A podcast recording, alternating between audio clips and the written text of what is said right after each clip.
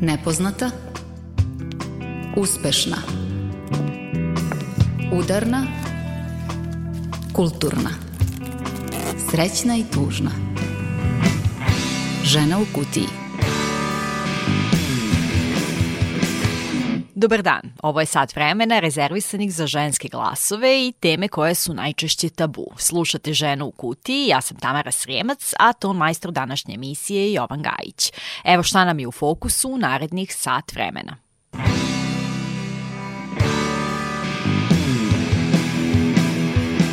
Stotine svedočenja porodilja o akušerskom nasilju u Srbiji preplavilo je društvene mreže, podstaknuto slučajem Marice Mihajlović, koja je zbog, kako tvrdi, akušerskog nasilja izgubila bebu na porođaju. Zaista je krajnje vreme da sistemski rešimo problem u našim porodilištima, jer traume sa porođaja ostavljaju dugoročne posledice a brojne korisnike društvene mreže X uznemirio je post u kome je jedna twitterašica sugerisala da pokušava da izvrši samoubistvo. Osobi je na kraju pružena odgovarajuća pomoć, ali događaj otvara pitanje koliko ozbiljno shvatamo nečiji poziv u pomoć na društvenim mrežama i kako možemo pomoći. Prava mera za pomoć jeste ona mera koju osoba želi i koju osoba traži. Mi možemo imati neku viziju o tome šta je za nas pomoć, ali je najbolje uvek pitati tu osobu kakva pomoć je njoj potrebna. Marijana Čanak objavila je u izdanju Boulevard Booksa novu zbirku priča Put od crvene cigle. Njene teme uvek su obsesivno vezane za ženski identitet, a u novoj knjizi menstrualni kalendar poslužio je kao predložak za pisanje. Menstrualni ciklus ima četiri faze, zbirka ima četiri ciklusa. U prvom ciklusu Tema je degradacija ženske snage, ženske moći, tabuiziranje menstruacije, pa čak i njena demonizacija. Udarna žena u kutiji. Objave o akušerskom nasilju i dalje preplavljuju društvene mreže. Lavinu je pokrenuta, žene širom Srbije pričaju svoje iskustva. Stotine svedočenja porodilja o akušerskom nasilju u Srbiji podstaknuto je slučaje Marice Mihajlović koja tvrdi da je zbog akušerskog nasilja beba umrla na porođaju. Prvi nalaz obdukcije to je i potvrdio.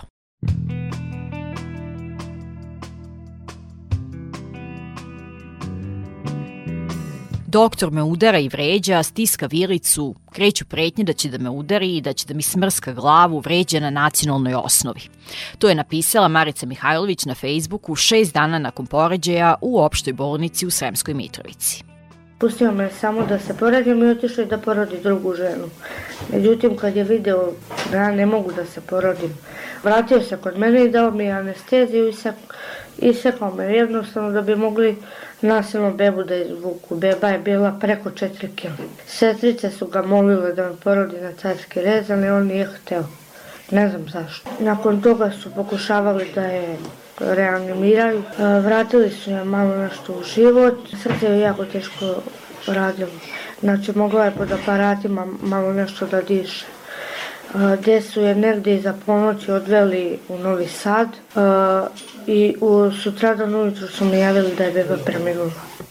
Marica Mihajlović je osim u medijima izjavu dala i policiji i ginekologa Kušer iz opšte bolnice od 19. januara u pritvoru po nalogu Višeg javnog tužilaštva u Sremskoj Mitrovici pod sumnjom da je izvršio teško delo protiv zdravlja ljudi. Zdravstvena inspekcija Ministarstva zdravlja upućena u tu bolnicu gde sprovodi istragu o slučaju i čeka se konačan nalaz obdukcije. Nećemo da ćutimo, nećemo da ćutimo, nećemo da ćutimo, nećemo da ćutimo. Pokrenute Maričinim svedočenjem svoje iskustva o pretrpljenom akušarskom nasilju počele su da dele žene širom Srbije, a neformalni kolektiv Ženska solidarnost organizovao je protest, porodilište, a ne klanica, ispred Ministarstva zdravlja. Ali ovo je naša pobeda. Ovaj čovjek ne bi bio uhapšen nikada da nije bilo našeg pritiska. Za proteste u organizaciji neformalno kolektiva Ženska solidarnost zatraženo je da Ministarstvo zdravlja sprovede nadzor u svim porodilištima i ispita navode o akušarskom nasilju.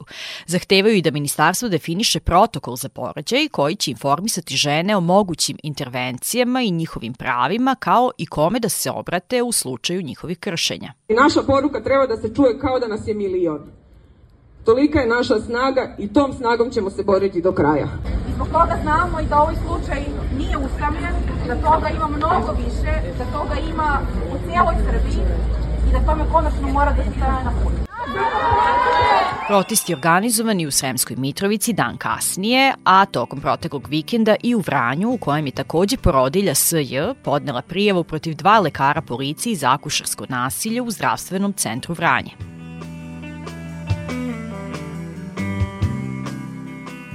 Ministarka zdravlja Danica Grujičić je istog dana kada je priča Marice Mihajlović dospjela u javnost poručila da njihove stručne komisije već rade na pravilnicima postupanja u porodilištima, ocenjujući da je nasilje nedopustivo. Pozvala je svakoga ko se suočava sa nasiljem da o njemu govori i prijavi ga kako bi nadležne službe mogle da reaguju. Ja sada trenutno čekam izveštaj inspekcije da vidim da li su oni došli još do nekakvih zaključaka mimo ove unutrašnje stručne kontrole Sačekat ćemo spoljašnji stručni nadzor, to će uraditi unutar dve nedelje. Tako da očekujem da ćemo za jedno dve nedelje imati tačno šta se to desilo da dete nikako nije moglo da bude na drugi način porođeno nego ovako. I Republički ombudsman pozvao je žene da prijave svaki oblik akušarskog nasilja, a pokrajinska zaštitnica građana Dragana Ćorić e, pridružila se pozivu i za radio televiziju Vojvodina odgovara na pitanje da li je institucija pokrajinskog ombudsmana imala prijava za akušarsko nasilje i pre slučaja u Sremskoj Mitrovici. Za ove godinu i nešto dana koliko se nalazi na funkciji pokrajinskog zaštitnika građana, jesmo. I mogu reći da nažalost je jedan slučaj isto bio sa smrtnim ishodom.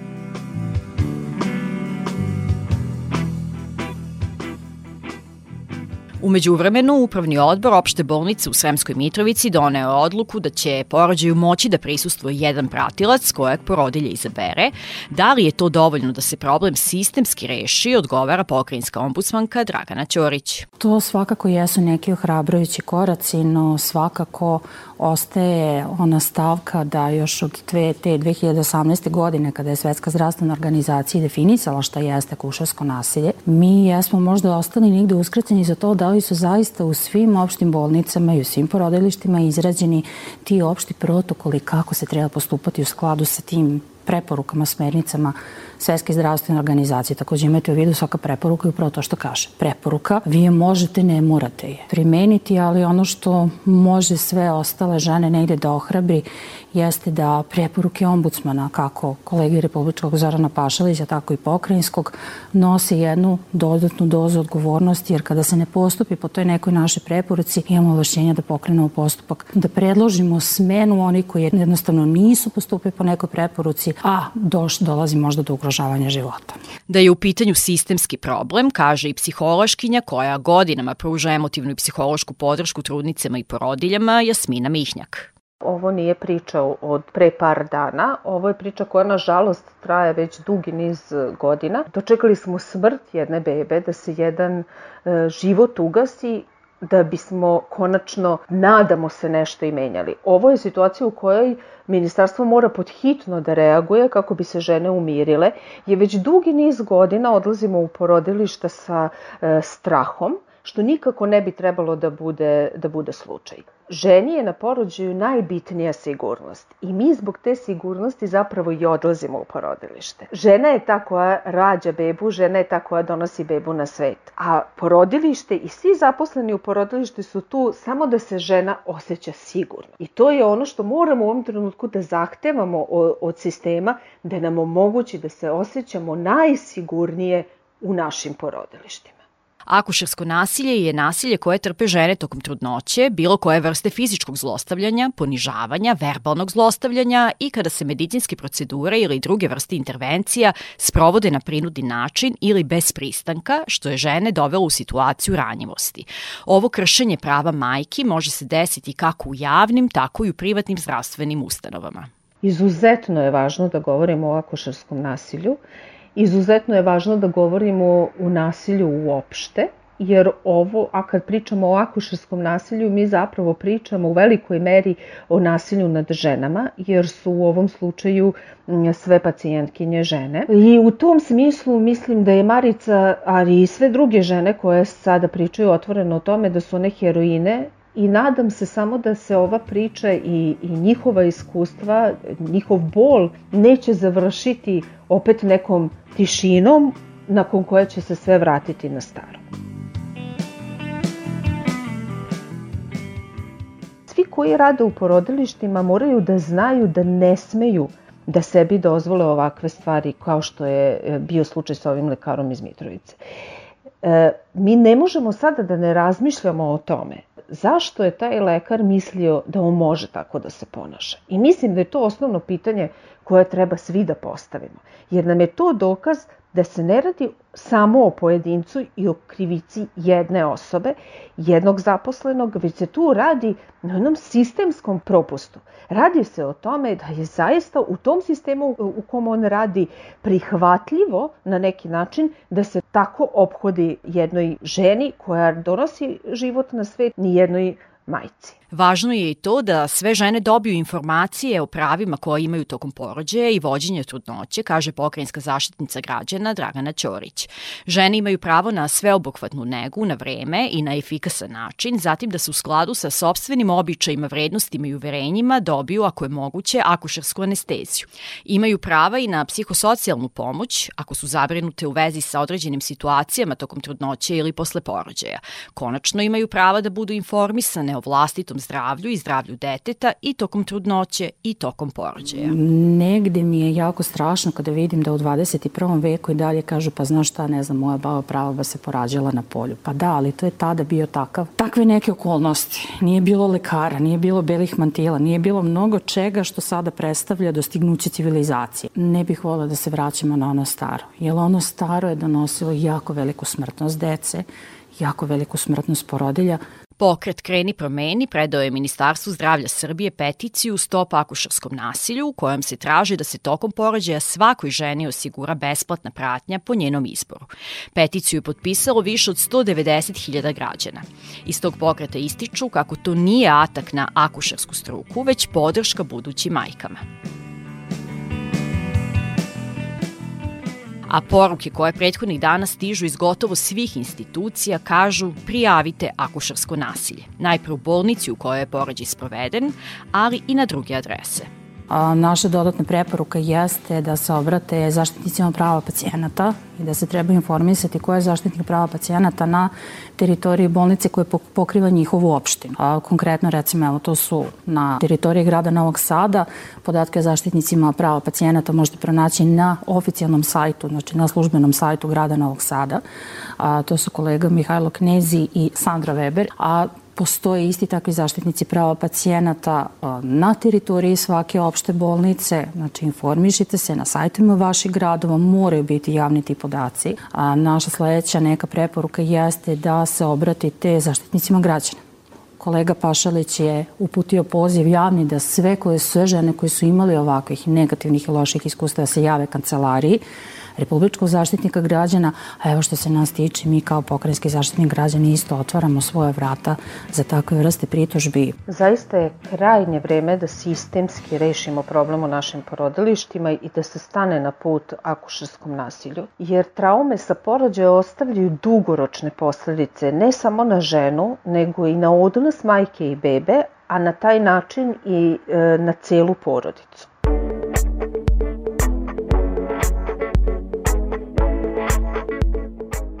Za sve žene koje su skupile hrabrost da progovore o stvarima koje ih tište, o nepravdama, nasilju, slušamo pesmu Velika žena, Lira Vega.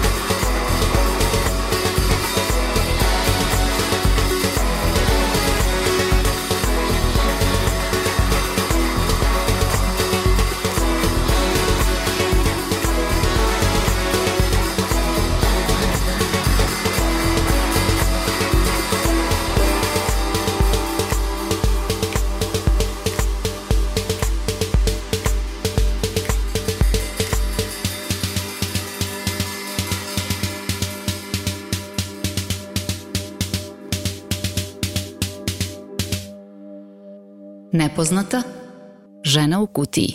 Proteklog vikenda brojne korisnike društvene mreže X, nekada Twitter, najblaže rečeno uznemirio je post u kome jedna twitterašica kaže da je popila tri kutije leka koji je namenjen lečenju anksioznosti uz dodatnu poruku koja sugeriše da je pokušala da izvrši samoubistvo.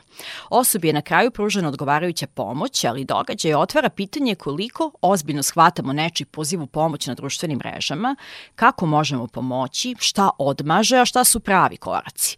Na ova pitanja odgovara Nevena Stojanović iz Centra za prevenciju samoubistva srce.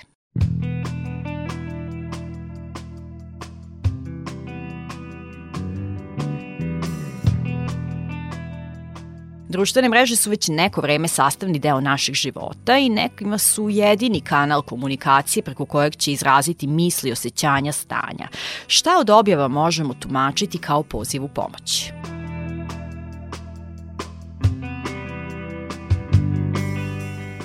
Da li ovaj tweet konkretno jeste bio poziv u pomoć? Jeste, kada neko napiše ili objavi uh, da je nešto konkretno preduzeo po pitanju svog um, stanja i svog zdravlja, naravno da jeste uh, poziv u pomoć. Osim toga, često mogu biti iskrivene neke poruke koje mm -hmm.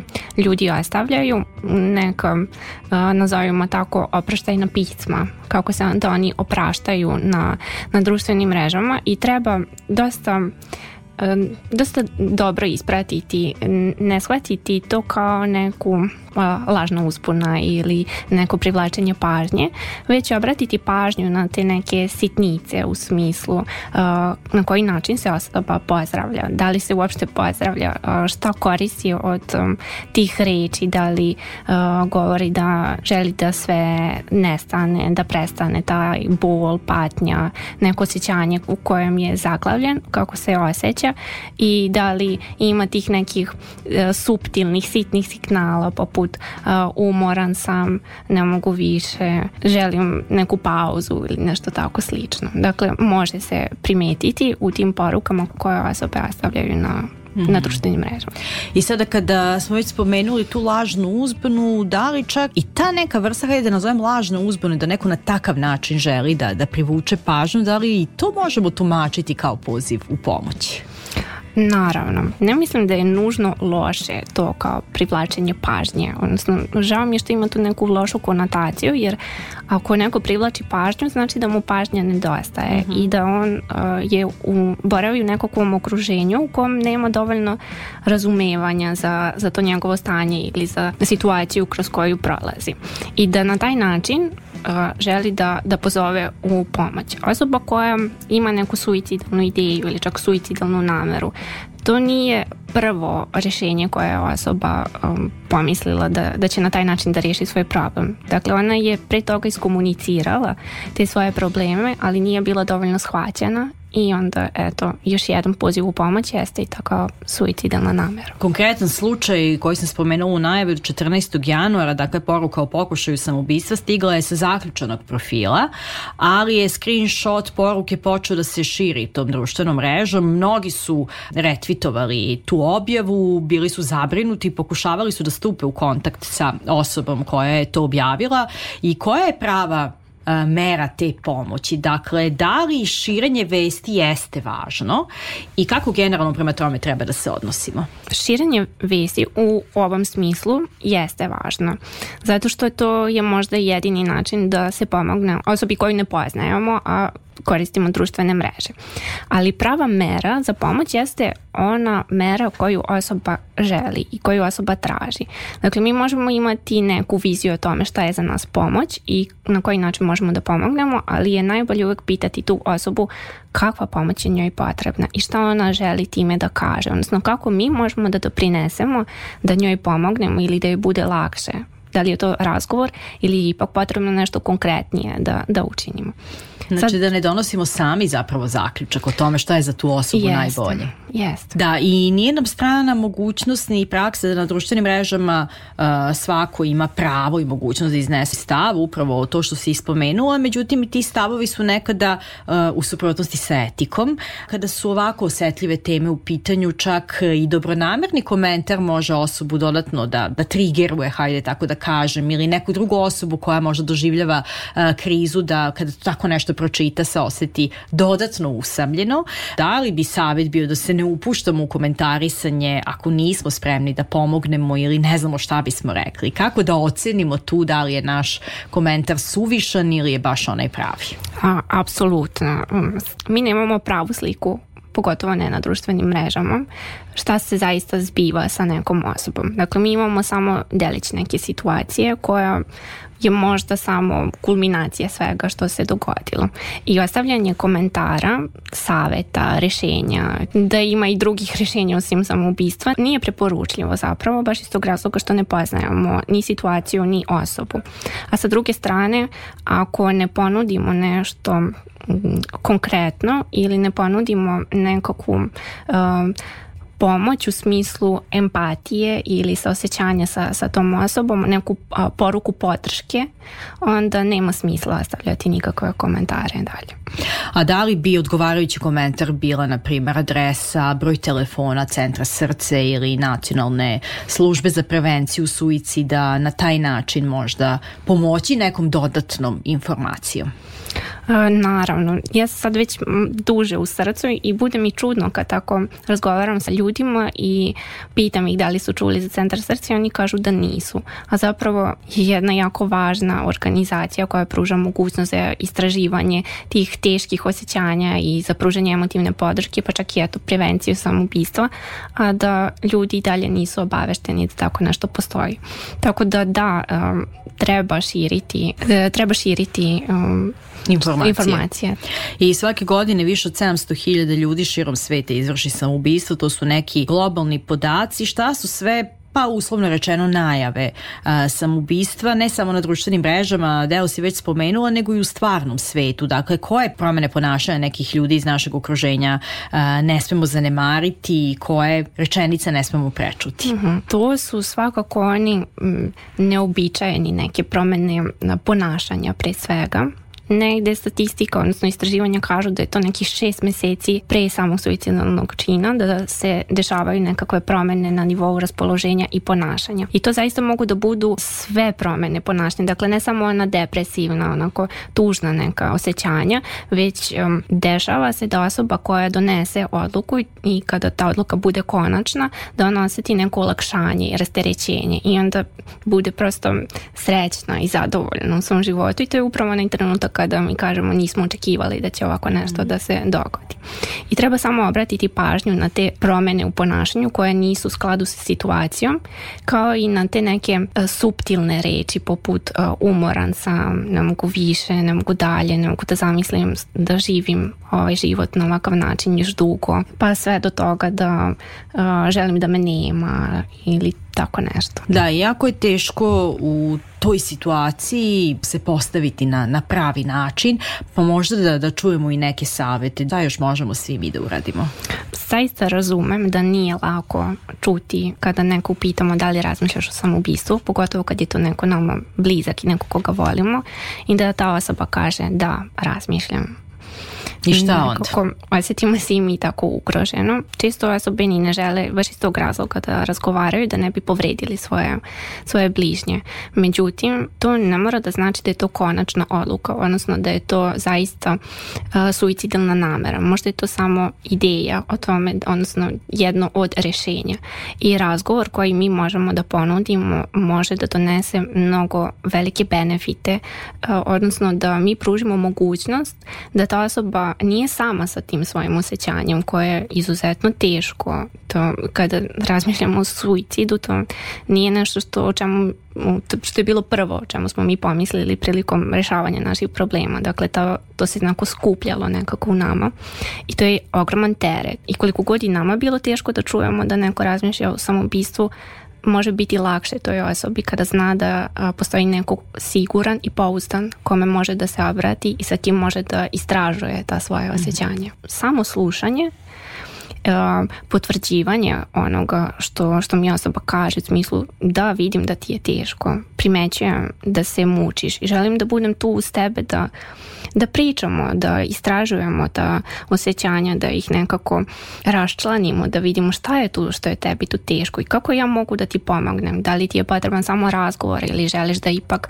potražimo zajedno neku pomoć. Dakle, samo da osoba ima osjećaj da je neko tu zajedno sa njom i da zajedno prolaze kroz to osjećanje. Jer ne možemo mi da rešimo sva osjećanja niti možemo da oduzmemo nekome neko osjećanje. Dakle, osjećanja su tu i osoba mora da, da prođe kroz njih. Ne možemo nikome uzeti tugu ili bes ili nešto, ali možemo da budemo zajedno sa njom dok ona prolazi kroz neko teško stanje. Da, i ako vam treba dakle neko aktivno da vas sasluša i pruži emotivnu podršku, evo da dodamo u cijelom ovom razgovoru da je linija Centra srce otvorena svaki dan od 14 do 23 časa. Broj telefona je 0800 300 303 i hajde Nevena još e, da nas informišeš o tome kako još mogu sa vama da stupu u kontakt, nije telefon jedini način. Prilagodili ste se i toj mlađoj populaciji, da se vratimo i na početak te priče svima da. onima koji će lakše komunicirati putem interneta. Jeste, tako je. Osim te telefonske linije koja je inače besplatna na teritoriji Republike Srbije, postoji i a, mogućnost pisane komunikacije, odnosno da nas ljudi kontaktiraju putem četa i putem maila. Sve te informacije se mogu naći na a, sajtu Centar srce.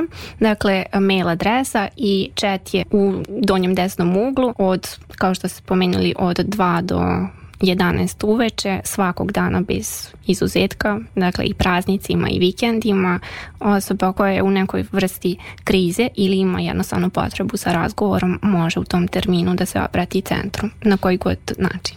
Da, da spomenemo email adresu vanja.centarsrce.org dakle možete pisati. Hvala mnogo na, na ovom razgovoru i svim informacijama. Evo još i da vas informišemo da u Srbiji od 2018. godine postoji nacionalna SOS linija za prevenciju samoubistva. Osobama koje su u krizi na raspolaganju su 24 sata profesionalci sa kojima mogu da razgovaraju. Dakle, svi koji imaju neki problem i suicidne misli mogu se javiti na broj telefona 0800 309 309, a podsjećam još jednom, broj telefona Centra Srce je 0800 300 303. Za Radio Novi Sad govorila Nevena Stojanović.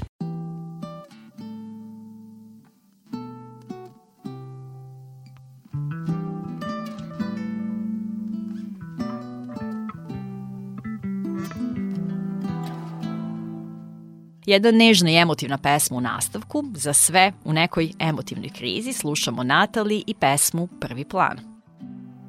Dođi u prvi plan ljubavi, ostani nasmejan,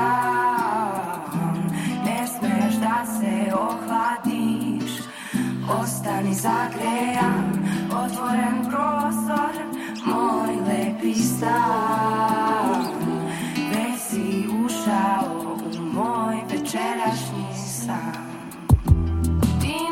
Vino otvaram, čini mi se soba nam se pretvara u hram.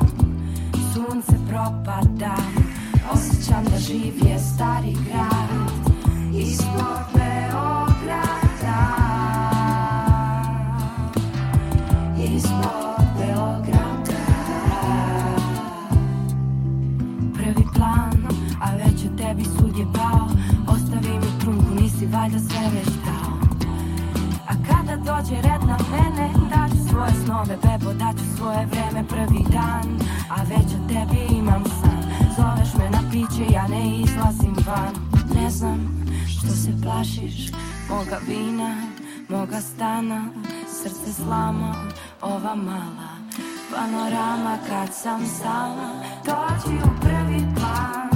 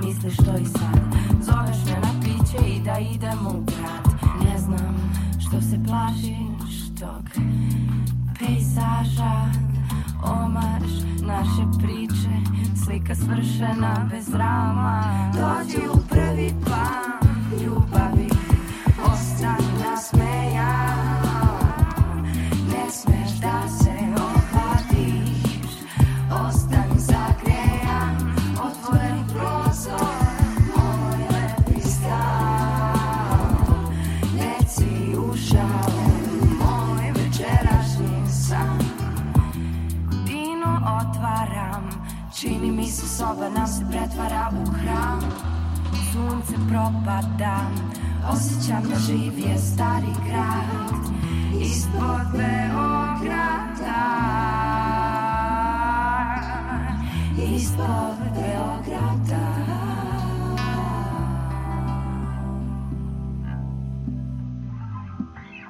Kulturna. Žena u kutiji.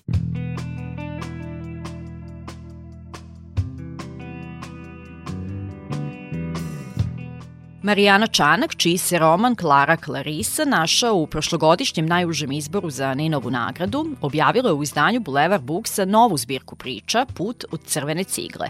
Njom je potvrdila da je njen glas u savremenoj literaturi jedan od najsmelijih i najupečatljivijih. Njene teme uvek su obsesivno vezane za ženski identitet, a u novoj knjizi menstrualni kalendar poslužio je kao predložak za pisanje. Sa prozaistkinjom Marijanom Čanak razgovara Isidora Bobić. Rekla bih da se baviš temeljno i ubedljivo fenomenom ženskog e, principa, e, pretresajući sve one stvari u kojima se on krije, demistifikujući odnos te njegove prirode i pojavnosti manifestacije s jedne strane i pokušaja da ga shvatimo racionalno i kulturološki sa druge strane, a time preispitujući e, odnos njegovih snaga i slabosti. U zbirci pramatere, ako je recimo taj princip oličen, naravno ne samo u tome, ali u tom načinu na koji žene koje nisu imale glasa kroz istoriju, ispisuju istoriju na svoj način, istoriju i svojih i ne samo svojih sudbina. Onda recimo u ovoj zbirci taj princip oličen u fenomenu e, mesečnog ciklusa. Na, namjerno se služim tom e, muškom sintagmom da bih naglasila tu vezu sa planetom, sa mesecom. Knjiga počinje motom da se protiv krvi treba boriti kao protiv neprijatelja, odnosno počinje razobličavanjem tog kulturološkog poimanja, odnosno baš tog tabuiziranja. Kako dalje pristupaš tom fenomenu i šta on sve znači za tvoje junakinje? Moglo bi se reći da menstruacija jeste neka vezivna nit koja protiče kroz sve ove pripovetke. To je bila moja obsesivna tema koju dugo nisam ni bila svesna, nego sam prosto primetila da se potkrada kod, kroz razne moje tekstove. I kada sam to o, primetila, počela sam nekako svesnije da se bavim istraživanjem menstruacije i svih njenih, pa i filozofskih i magijskih i svakodnevnih značenja. A menstruacija je zapravo vidljivi izraz ženskog principa, ženske snage koja postoji iza svega bukvalno iza svega ovaj. Ova planeta jeste odraz ženskog principa. Svaka žena unutar sebe ima matericu, a materica jeste zemlja u malom, tako da mi kao žene jesmo neminovno povezane sa sa snagom zemlje, sa njenom otpornošću, sa tim principom prihvatanja, sa mogućnošću da damo, oduzmemo život, to sve postoji unutar svake žene. Jedino je pitanje koliko smo toga svesne i da li imamo mudrosti da tom snagom upravljamo ili nas ona nekako uzme pod svoje pahara kroz nas. Ni ne možemo potpuno racionalno shvatiti ženski princip. Ne možemo ga ukrotiti razumom, tim hladnim intelektom. To je nešto što je mnogo dublje, što je zapravo i neuhvatljivo, ima mnogo mistike, magije unutar sebe. Razum to ne može da stvari u redu je što je tako, ali svakako to možemo doživeti. Ne samo mi kao žene koje živimo u ženskim telima, nego treba imati na umu da smo svi prosto rođeni iz sadejstva muškog i ženskog i da unutar sebe imamo i muški i ženski aspekt i da ga možemo doživeti i jedan i drugi kroz inteligenciju tela pod jedan. E, navela si citat koji otvara zbirku, taj citat zapravo otvara prvi e, ciklus zbirke. Zbirka je podeljena u, u četiri ciklusa. Ciklusa, da naglasimo, jel? E, namerno je tako da menstrualni ciklus ima četiri faze, zbirka ima četiri ciklusa, taj koncept mi je bio potpuno jasan, dakle možemo reći da je menstrualni kalendar e, u neku ruku predložak za pisanje ove zbirke.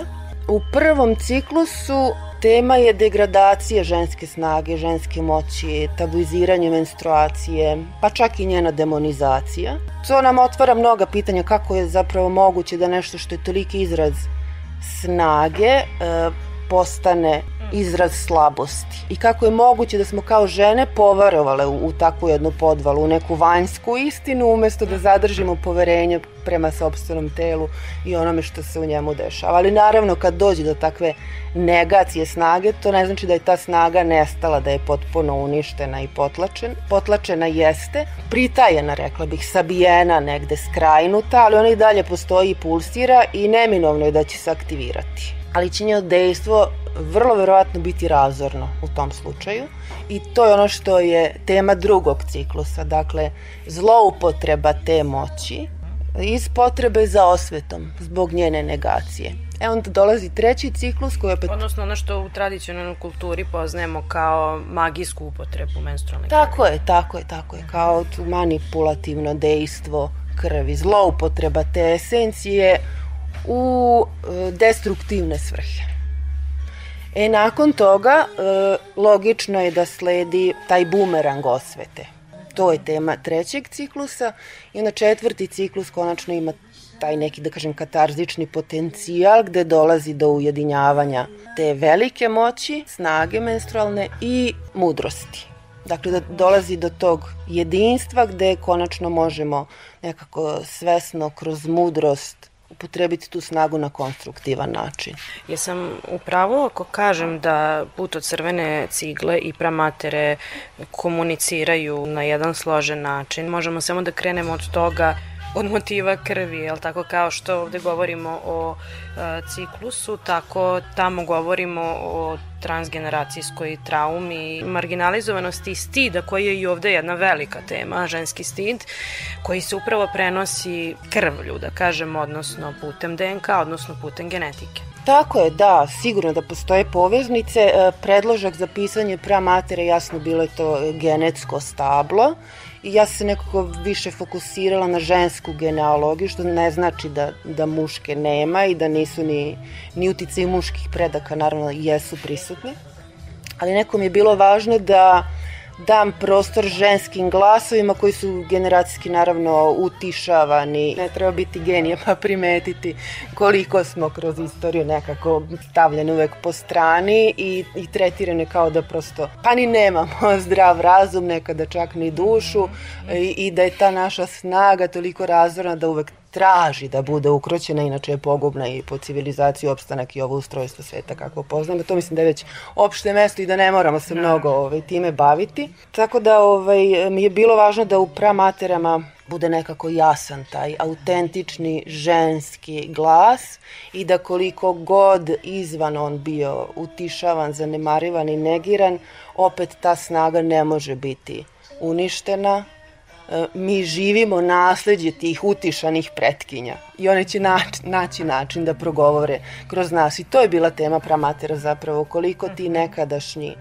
životi, neiživljeni životi, nerealizovane sudbine, utišani glasovi kako sada utiču na naš život sada, a neminovno je da, da utiču. Mislim da sam u uvodnoj reči o knjizi upotrebila reč ubedljivost, da, ubed, da nekako si ubedljiva u tom svom pristupu ovim temama.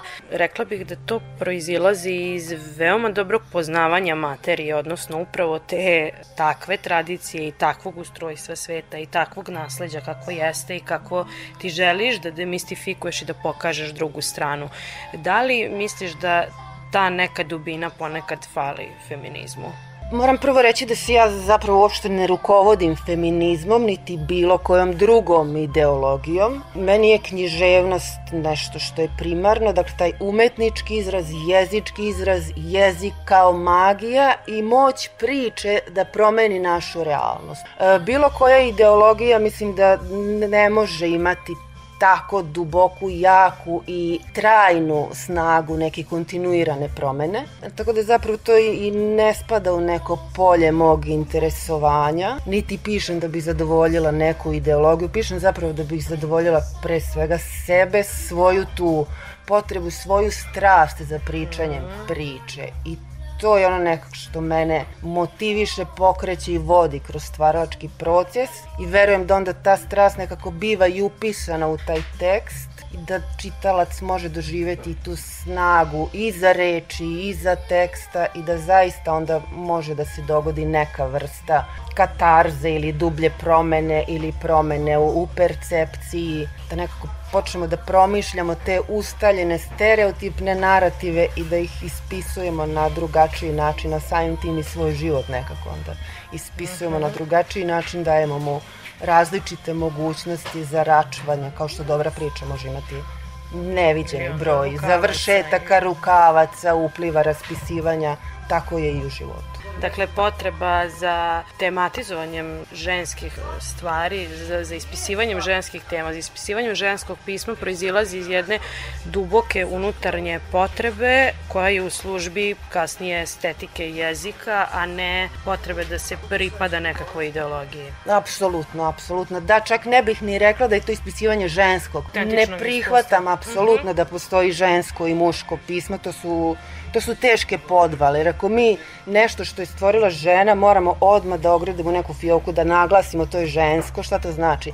Pa znači da žensko iskustvo ne vrednujemo kao opšte ljudsko. I za mene je knjižena zaista ono jedna i nedeljiva i opet ću podcrtati to da mi unutar sebe imamo mnoštvo identiteta, da živimo i muški i ženski princip i neviđen broj slojeva koji tek treba da otkrijemo. Pišem za čitaoce, za ljude. Ne, ne bih rekla da pišem sad za žene, niti da žene mogu to bolje razumeti i bolje doživeti. Ne, Ali da li, da li stičeš utisak da ih više, da više žensku publiku interesuju te teme?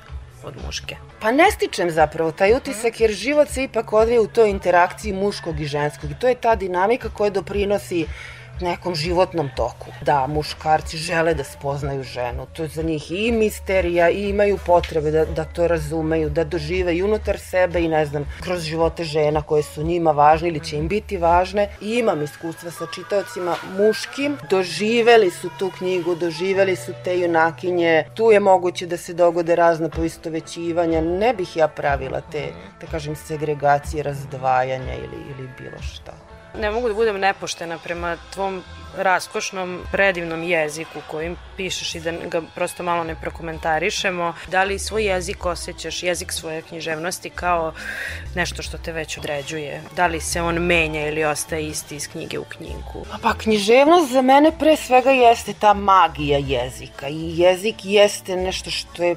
preuzbudljivo, preduboko i uvek je predmet istraživanja, nešto što može iznova da me iznenađe. Mislim, nikada ne možemo do kraja istražiti i spoznati jezik, koliko god da smo, da kažem, rođeni s tim. Materni jezik je nešto što ja doživljam da je naprosto urođeno i da na drugim jezicima, koliko god mogu da ih možda naučim, savladam, ne mogu da, da imam toliko snažan i uverljiv, autentičan umetnički izraz. Važno mi je i ono što je iza značenja, naravno značenjima se ispisuje narativ, ispisuje se priča, ali tokom procesa pisanja veoma mi je važan i taj sloj zvučanja. Ja bih da, rekla kao čitalac, da.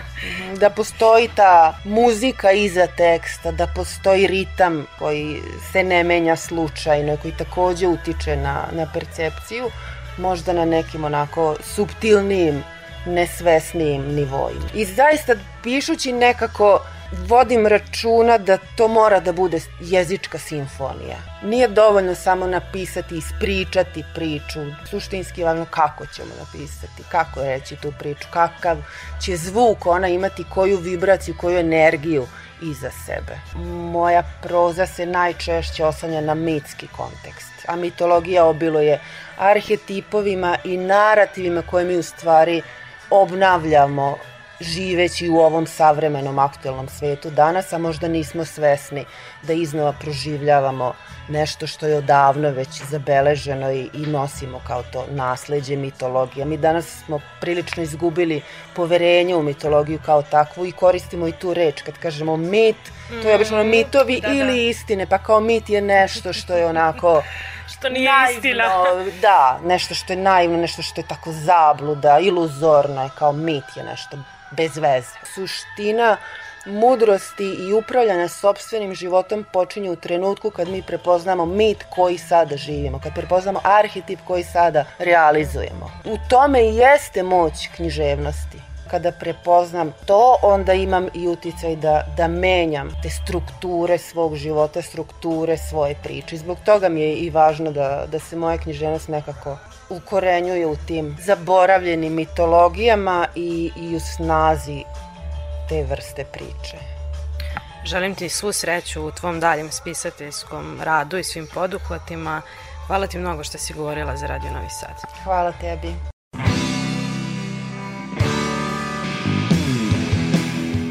Hvala Isidori i Marijani, čitajte Put u crvene cigle kao i Marijanin prvi roman Klara Clarise i naravno slušajte Žena u kutiji.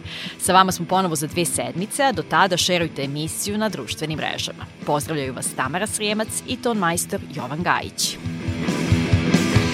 I muzički pozdrav za kraj. Zemlja gruva i Konstrakta imaju novu pesmu. Novo bolje je pesma koja je objavljena prošle sedmice i ušla u selekciju takmičenja pesme za Euroviziju 2024.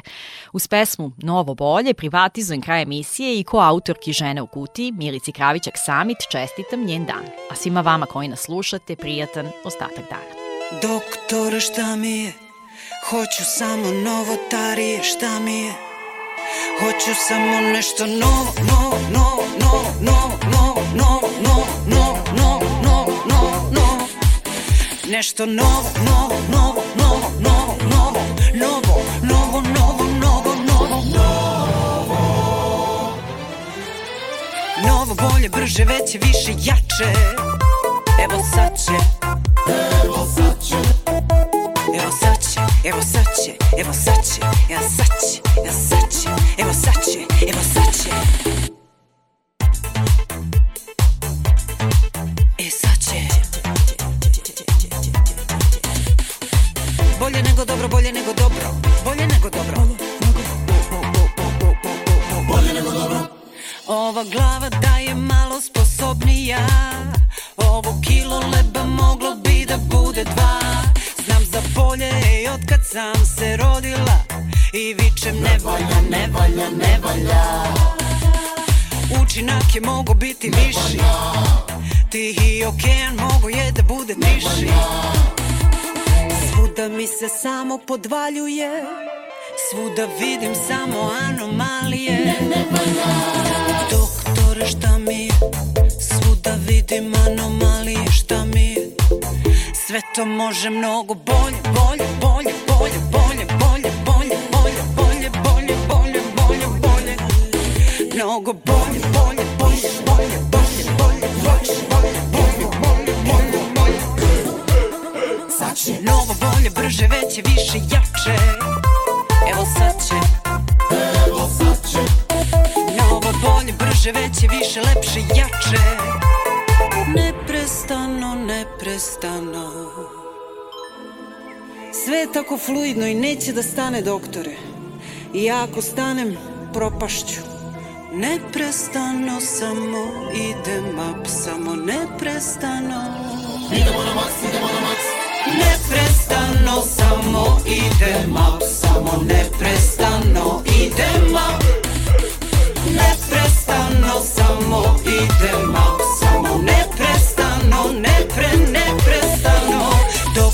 Doktore šta mi je? Šta bre šta ti je, nije ti ništa šta ti je Tako je, tako je Evo će, evo će, evo će Evo ga, evo će, evo će Doktore! Šta zna želja, šta je nedoshvatljivo? Doktore! E sad će